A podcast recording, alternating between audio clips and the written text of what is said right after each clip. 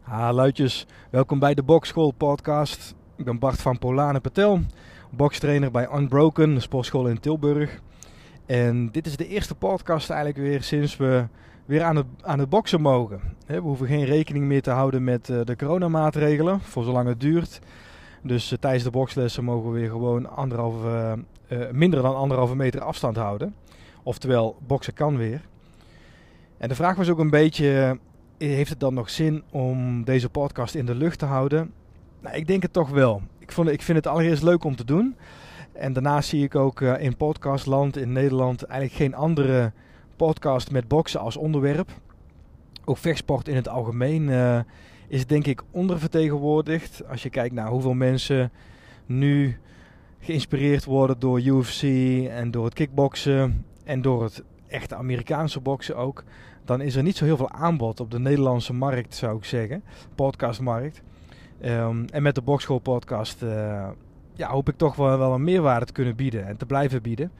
Um, en daarnaast vind ik zelf dus ook gewoon heel leuk om, uh, als ik enthousiast ben over een wedstrijd, om dat te delen via dit medium.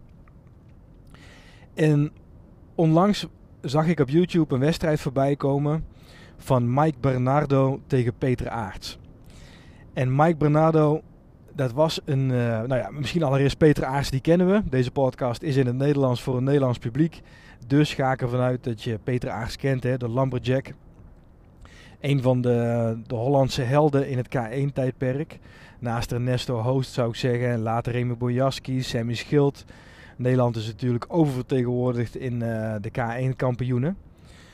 En dat K1, dat, dat, dat K1-tijdperk ligt achter ons. Nu hebben we Rico Verhoeven in het kickboksen, glory kickboksen.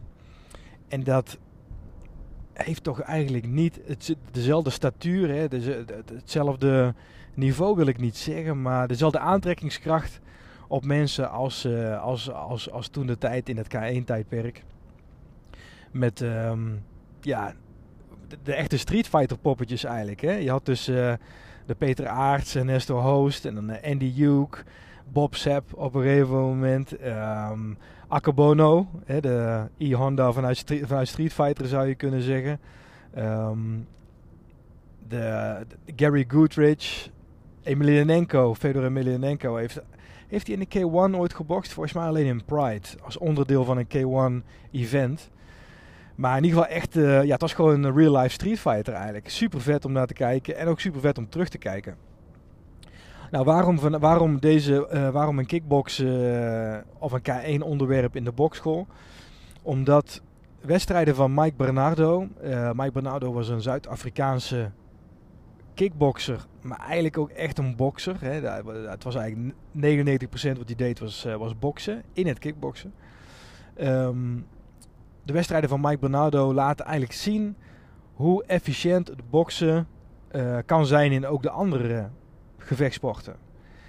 En dat boksen heeft natuurlijk uh, ja, een aantal regels en een kader. Waardoor je het bijvoorbeeld in het MMA ja, heel specifiek moet toepassen. Je kan niet zomaar als bokser uh, de octagon instappen. Want ja, de, de takedown denk ik dat, dat duurt 5 seconden. Uh, voordat je zeg maar, tegen de grond aan gaat en uitgechoked wordt. He, dat, dat, iemand, dat iemand je in in een of andere klem legt. Kijk maar bijvoorbeeld naar James Toney, die toen hè, een bekende uh, Amerikaanse profbokser, of eigenlijk ex-profbokser, hij was op, zwaar op zijn retour al. Maar die toen nog uh, wedstrijd tegen Randy Couture in de, uh, de UFC heeft ge, gedaan. Nou ja, dat was wat er te verwachten was eigenlijk. Zeg maar, dat werd drie stoten door Randy Couture gegooid. En toen haalde hij Tony neer door een takedown. Ja, en toen was het klaar natuurlijk. Dat is wat er gebeurt in de regel met boxers in het MMA. Maar als je boksen aanpast, als je die basis van het boksen aanpast aan de regels van waar het spelletje zich dan in plaatsvindt. Hè, dus bijvoorbeeld um, hoe een Conor McGregor bokst in de octagon, of hoe een uh, Cowboy Cerrone, of Nate Diaz, het boksen. Hè, uh, Nate en Nick Diaz, al twee hele goede boxers eigenlijk ook. Hoe die het boksen toepassen in hun MMA-spel.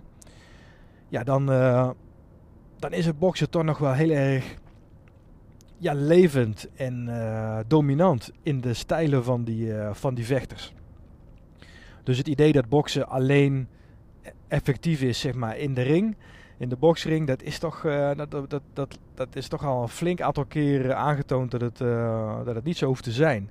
En in de K1 is dat eigenlijk het mooist aangetoond door Mike Bernardo, zou ik, uh, zou ik zeggen. En in die wedstrijd tegen Peter Aarts, hè, de, het prototype kickboxer, hè, met, met zijn, uh, zijn houthakkende low kicks en high kicks hè, van Peter Aarts. Prachtige trappen. Uh, vermoordende low kicks ook. Hè. Dat, dat moet, als je die drie pakt, dan ben je volgens mij klaar. Dan kun je amper staan op zo'n been. En toch tegen zo'n uh, tegen zo'n icoon van het kickboksen, ja, wist Mike Bernardo toch toch te winnen. En, uh, en overtuigend ook met knockout. Met, met eigenlijk puur bokstechnieken. En um, ja, ik ben daar wel door geïnspireerd eigenlijk. Hè. Ik heb uh, in mijn tijd ook wel uh, wat van het kickboksen geproefd. Hè. Mijn oorsprong ligt in het, in het Kyokushin karate. Nog, nog wat eerder in het taekwondo, maar een hele tijd Kyokushin gedaan. Hè, full contact karate. Dus ik kon wel omgaan met low kicks. Um, maar natuurlijk het grootste deel van mijn vechtsportcarrière besteed aan het uh, boksen. En ik, uh, ik heb toen wel een beetje geproefd aan het kickboksen. Om te kijken van nou kan ik nou die, die uh, geschiedenis van, uh, van het karate en het boksen combineren tot het kickboksen. Dat ik als kickbokser misschien wel um, wat wedstrijden zou gaan draaien. En in Tilburg heb je een, een kickboxschool, Budokai heet die. Frans Pacek, volgens mij de trainer. In uh, Tilburg een legende in ieder geval. Uh, als, het op, als het op kickboksen aankomt. En ik heb toen eens een keer een training meegedaan. En ik kwam toen tegen een gast te staan, een zwaargewicht. En die vent die kon en heel goed boksen, een voormalig uh, bokser, en heel goed kickboksen. Dus ik had daar gelijk mijn, ja, precies wat ik niet zou willen eigenlijk als bokser in het kickboksen. Had ik, had ik daar precies mijn mijn uh, gevreesde tegenstander voor me. Want bij de meeste kickboxers zou je theoretisch uh, bedenken dat ik met mijn box, of dat een bokser met een boksachtergrond en bokstechnieken het zou kunnen winnen door de kwaliteit van de stoten. Hè, door de, de beweegbaarheid, de wendbaarheid en ook de, de kracht van de stoten. Hè, door uh, je full leverage te kunnen gebruiken, vol in te kunnen draaien op met stoten. Terwijl kickboxers vaak veel meer ja, wat meer stilstaan. Ook om, die, de benen te beschermen. Uh, ze staan op een iets andere afstand. De dekking is wat hoger, die de kin wat meer open laat. Um, daar zou je dus, zoals, uh, zoals Mike Bernardo tegen Peter Aas ook liet zien. En zoals vaker is, uh, is aangetoond zeg maar, in die K1-wedstrijden. kun je als bokser tegen een typische kickboxer ja, misschien, misschien juist winnen. Vanwege dus die andere afstand, onorthodox bewegen als bokser in de kickboxring. Um, gebruik maken van die, ja, die hele hoge dekking, waardoor die kin dus echt open staat. En je zeg maar, de, de, de kin staat tussen de ellebogen in hè, bij een kickboxer eigenlijk bijna. In plaats van de, ja, de, de, de padding van de handschoenen. Zoals een Mike Tyson bijvoorbeeld, hè, die zijn handschoenen echt naast de kin houdt. En nu had ik dus in die, die training bij die Pacek, bij Budokai, had ik dus een, uh, een zwaargewicht die, die niet in die kickboxstand stond, maar eigenlijk veel meer als een bokser die ook heel goed kon kickboksen. En uh, dus ik moest maar als bokser werd ik volop bezig gehouden, zeg maar, door die, uh, door die man. Uh, moest ik gewoon hè, alle zeilen bijzetten, zeg maar, om op boksgebied zeg maar, goed mee te kunnen in die sparring. Maar ondertussen kreeg ik dus ook nog trappen links en rechts, waar ik dus helemaal niet mee bezig was. En uh, ik heb het grootste deel van die sparringssessie uh, het onderspit moeten delven. Ik had zo ook wel mijn momentjes. Maar uh, over het algemeen uh, kwam ik tot de conclusie dat, ja, dat ik niet de enige zou zijn die op het idee was gekomen om als bokser gebruik te maken van die ervaring in de kickboxring. En dat er natuurlijk ook genoeg jongens zijn die, die dat al een tijd, een, een, tijd doen. En die twee werelden al, al heel goed samen hebben gevoegd. Zoals Mike Bernardo, maar misschien nog een bekender voorbeeld als uh, Jérôme Le Banner. Bijvoorbeeld, hè, Jérôme Le Banner eh, van de K1 heeft, uh, heeft uh, les gehad van de trainer van Holyfield in Amerika. Met Holyfield gespart ook. Hè. Nou, en dan, dan, dan, dan weet je het wel. Dan heb je echt met legit, legitieme zwaargewicht, uh, boxers in Amerika heb je dan gespart.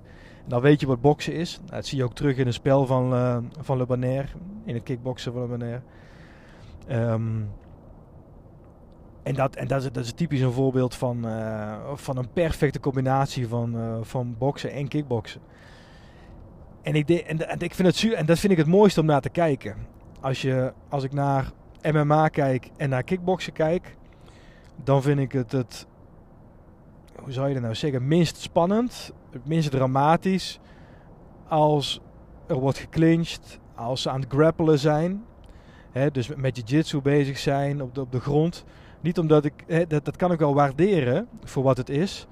Maar het, het dramatische van een, een rake stoot bijvoorbeeld, dat, um, ja, dat, dat ontbreekt dan gewoon, weet je wel. Dus de stand-up game, ook in, de, ook in de UFC, ook in de MMA, dat trekt me het meest. En misschien als je deze podcast luistert, ben je het wel met me eens. Hè, dat, uh, dat je toch door het boksen vooral aangetrokken wordt. Um, en in het kickboksen eigenlijk ook wel. Dat clinchen, het achter de nek vastpakken en dan die knieën geven terwijl je elkaar vasthoudt, zeg maar. Dat, uh, ja, dat vind ik visueel niet zo aantrekkelijk. En dat is het mooie van, het van de K1 is daar was dat verboden. Dus die Muay Thai technieken, waarbij je ellebogen gebruikt en uh, in de clinch vasthoudt en zo, die waren verboden. Dus dat, dat maakte voor een uh, set regels eigenlijk, waarin je als bokser het heel goed zou kunnen doen. In die ring.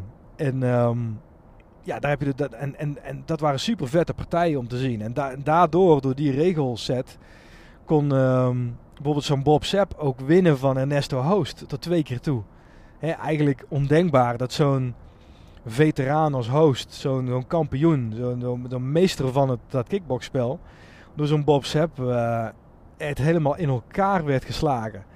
Die reus. Maar ook zagen we bijvoorbeeld Mark Hunt tegen Ray Seffo. Ook een hele toffe wedstrijd in die K1. Ja, waarin eigenlijk alleen wordt gebokst. En um, daar wordt wel een keer een low kick gegeven, een keer een high kick en een knietje. Maar het is 90% boksen. En dat, uh, dat, dat, dat, dat was. Is dat, is een goede vraag eigenlijk om te kijken: van, is dat nou leuker? Was het leuker dan een boksen? Dan echt boksen. Dus stel die, uh, dat K1-tijdperk, die wedstrijden, waren die spannender dan het, echt, dan het boksen? Nou, misschien wel. En dat is gek om, om, om, om uh, nou misschien een beetje toe te geven eigenlijk hier als bokstrainer.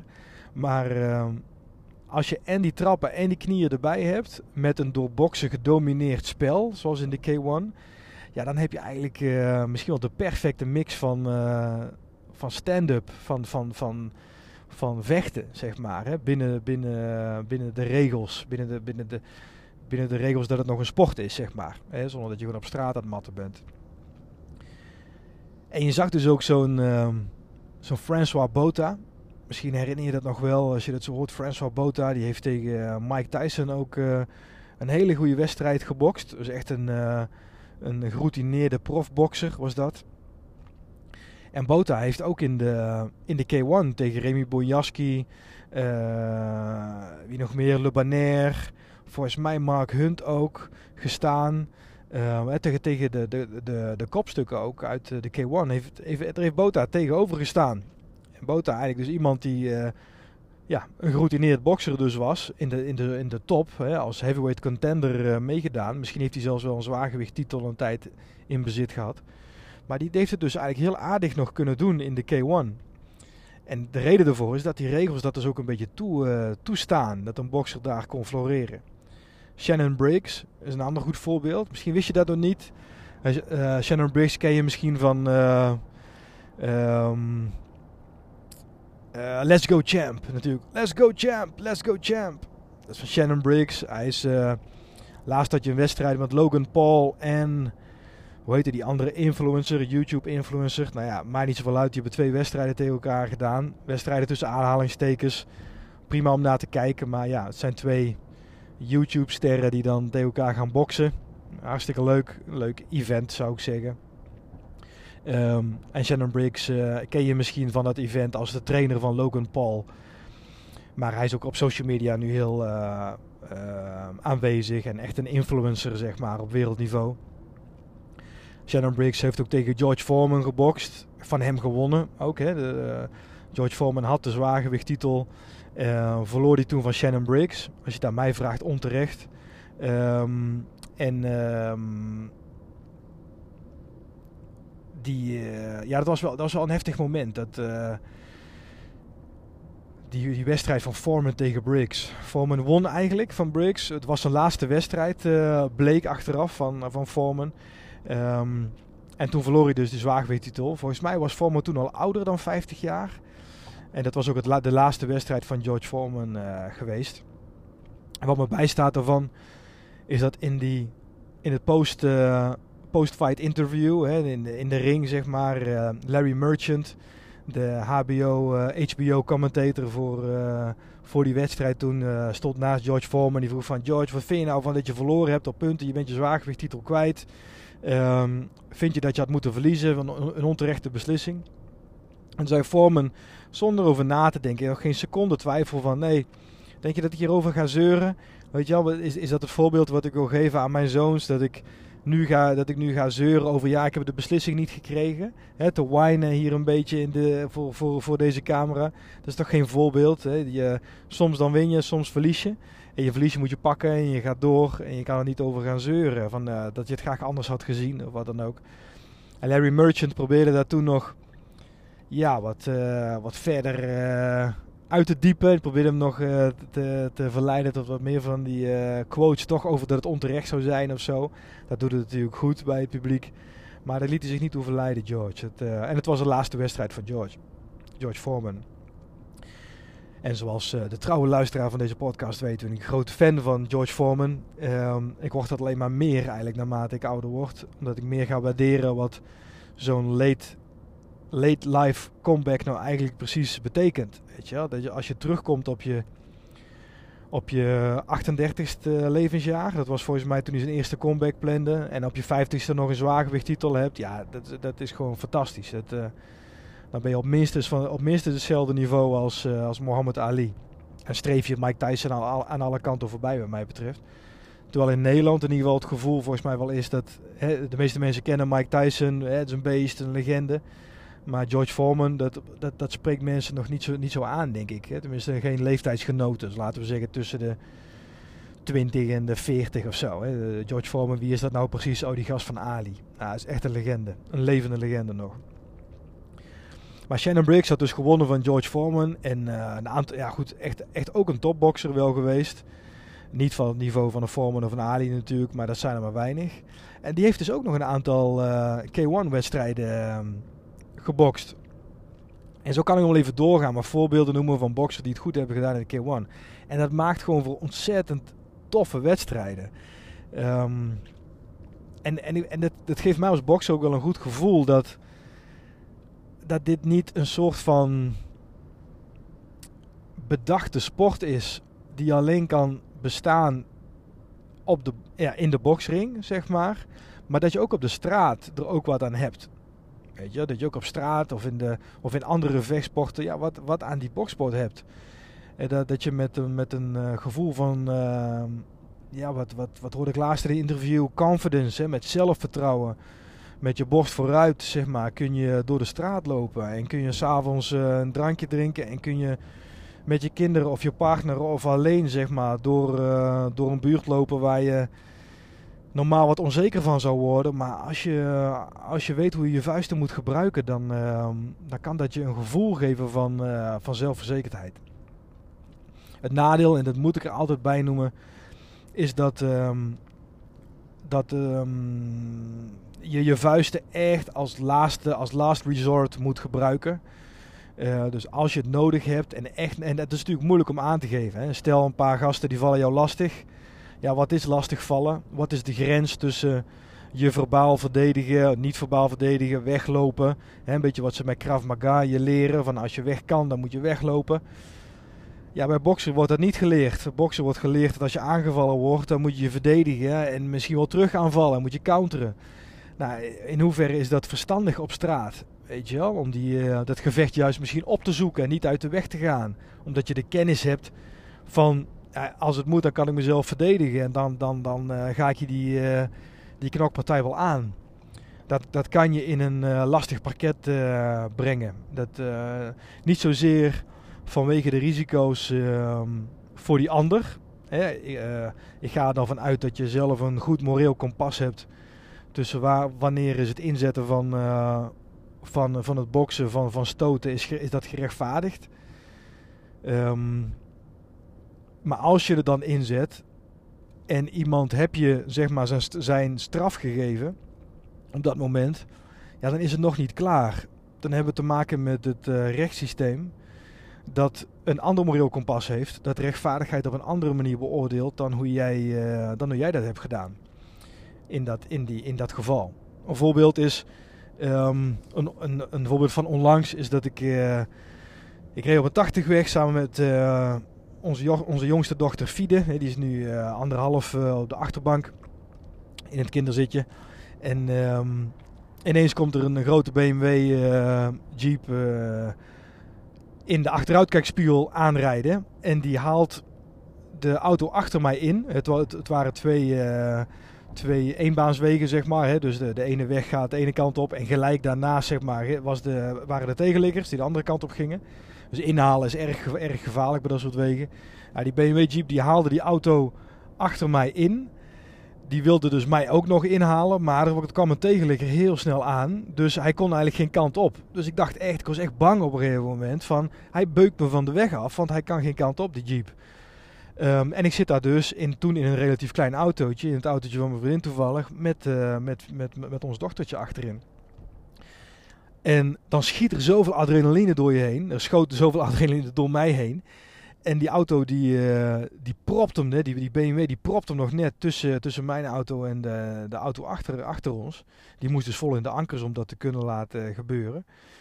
En um, ja, dat was dus voor mij een moment waarop ik, waarop mijn moreel kompas zei van dit, deze, deze man verdient straf dit, is een, uh, dit, dit, dit moet bestraft worden, deze move. Want dit had mij en mijn dochter uh, um, onze, on, ons leven kunnen kosten. En nog allerbelangrijkste mijn dochter. Dat, dat is wat me zo boos maakte. Dus ik stop de auto en ik wijs uh, naar dat hij uit moest stappen. En hij reed, reed ons toch voorbij.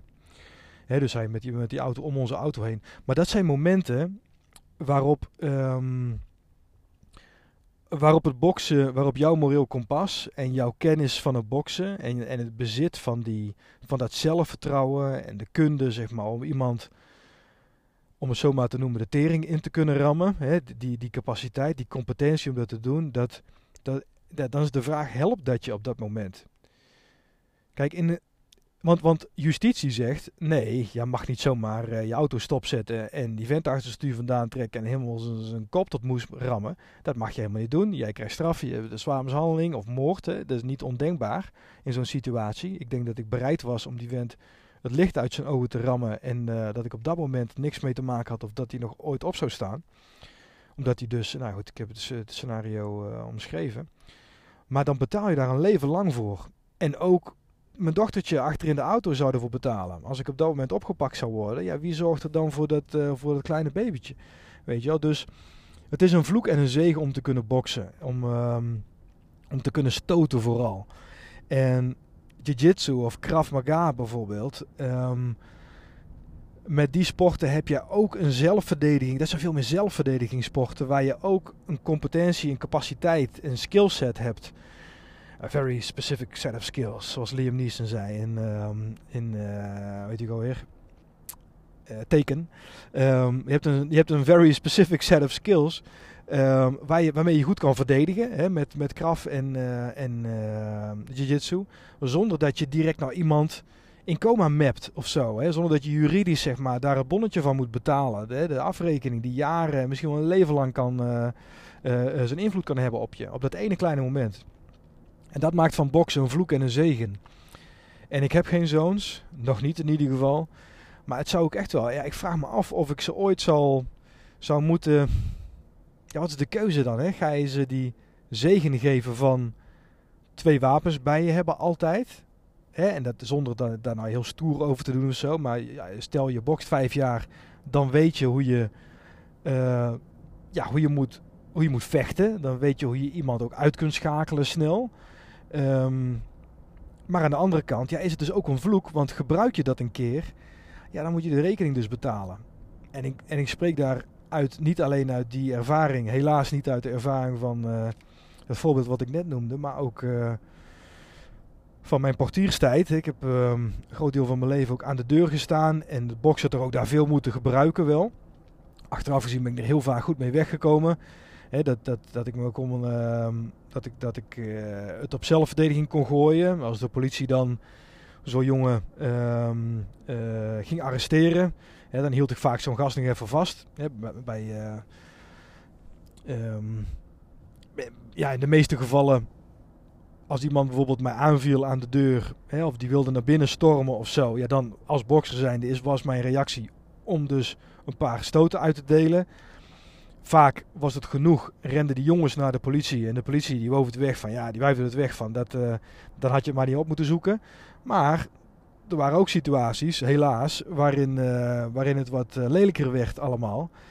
En waarin er, um, waarin er iemand dan niet meer opstond. Ja, en, dan, en dan moet je een rekening betalen. Als de politie er dan bijgeroepen wordt en er is schade, ja, dan heb je een probleem.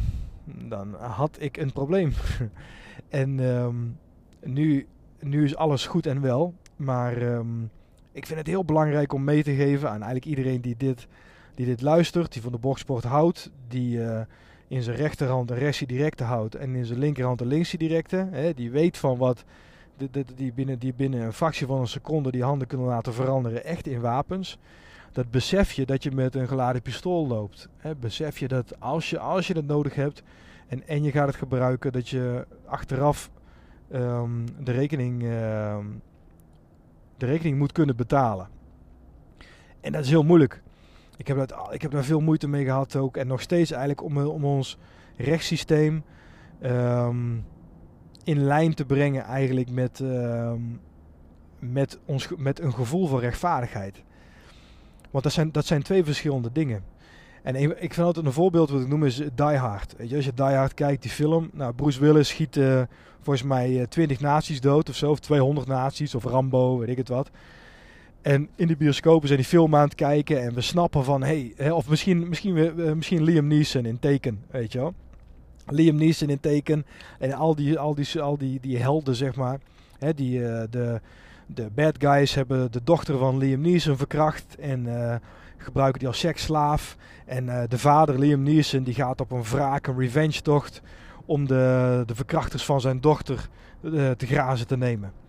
En die vermoordt zo'n beetje een hele Roemeense bende, weet je wel. Die, uh, die vermoordt en verminkt iedereen op zijn pad, zeg maar. En, we, en wij eten de popcorn en we drinken onze cola, we kijken ernaar en we smullen ervan met z'n allen. We vinden dat prachtig hoe, hoe daar rechtvaardigheid gesurfd wordt, zeg maar. Hè. Dus je ziet daar rechtvaardigheid, zie je, zie je, zie je zich in, ja, uitrollen, zeg maar, gedurende de film. En dat geeft een heel goed gevoel. Zo van zo, nou hè, gelukkig, hè, de rekening is verheffend. Voor zover dat nog gaat, hè, natuurlijk. Maar dat is een film. Ons gevoel, ons gezamenlijk gevoel van rechtvaardigheid wordt aangesproken daarop, hè, wordt, wordt, wordt zeg maar, bevredigd. Terwijl als je een jurist of een advocaat of een, uh, iemand van het Openbaar Ministerie erop zet, die zegt van, ja, maar deze man is een massamoordenaar. Liam Neeson in deze film, die heeft uh, een dertigvoudige moord gepleegd. En deze man was, deze, de, bijvoorbeeld dit slachtoffer, was helemaal geen onderdeel van deze bende. Die was toevallig in dezelfde kamer. Dat was iemand die kwam daar, uh, weet ik het, borstels verkopen. Die, die stond daar toevallig en die heeft Liam Neeson ook vermoord.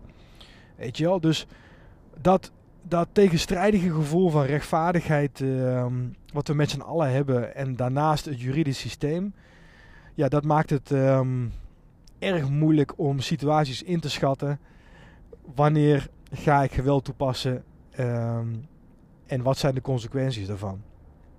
En boksen is, uh, is, dan, is dan dus eigenlijk binnen de vechtsporten, net zoals kickboksen zou ik zeggen, echt een vloek en een zegen. Omdat, omdat als je het toepast, um, ja, dan kan het dus fatale gevolgen hebben. En daar zit een hoop tussen, een blauw oog en fatale gevolgen.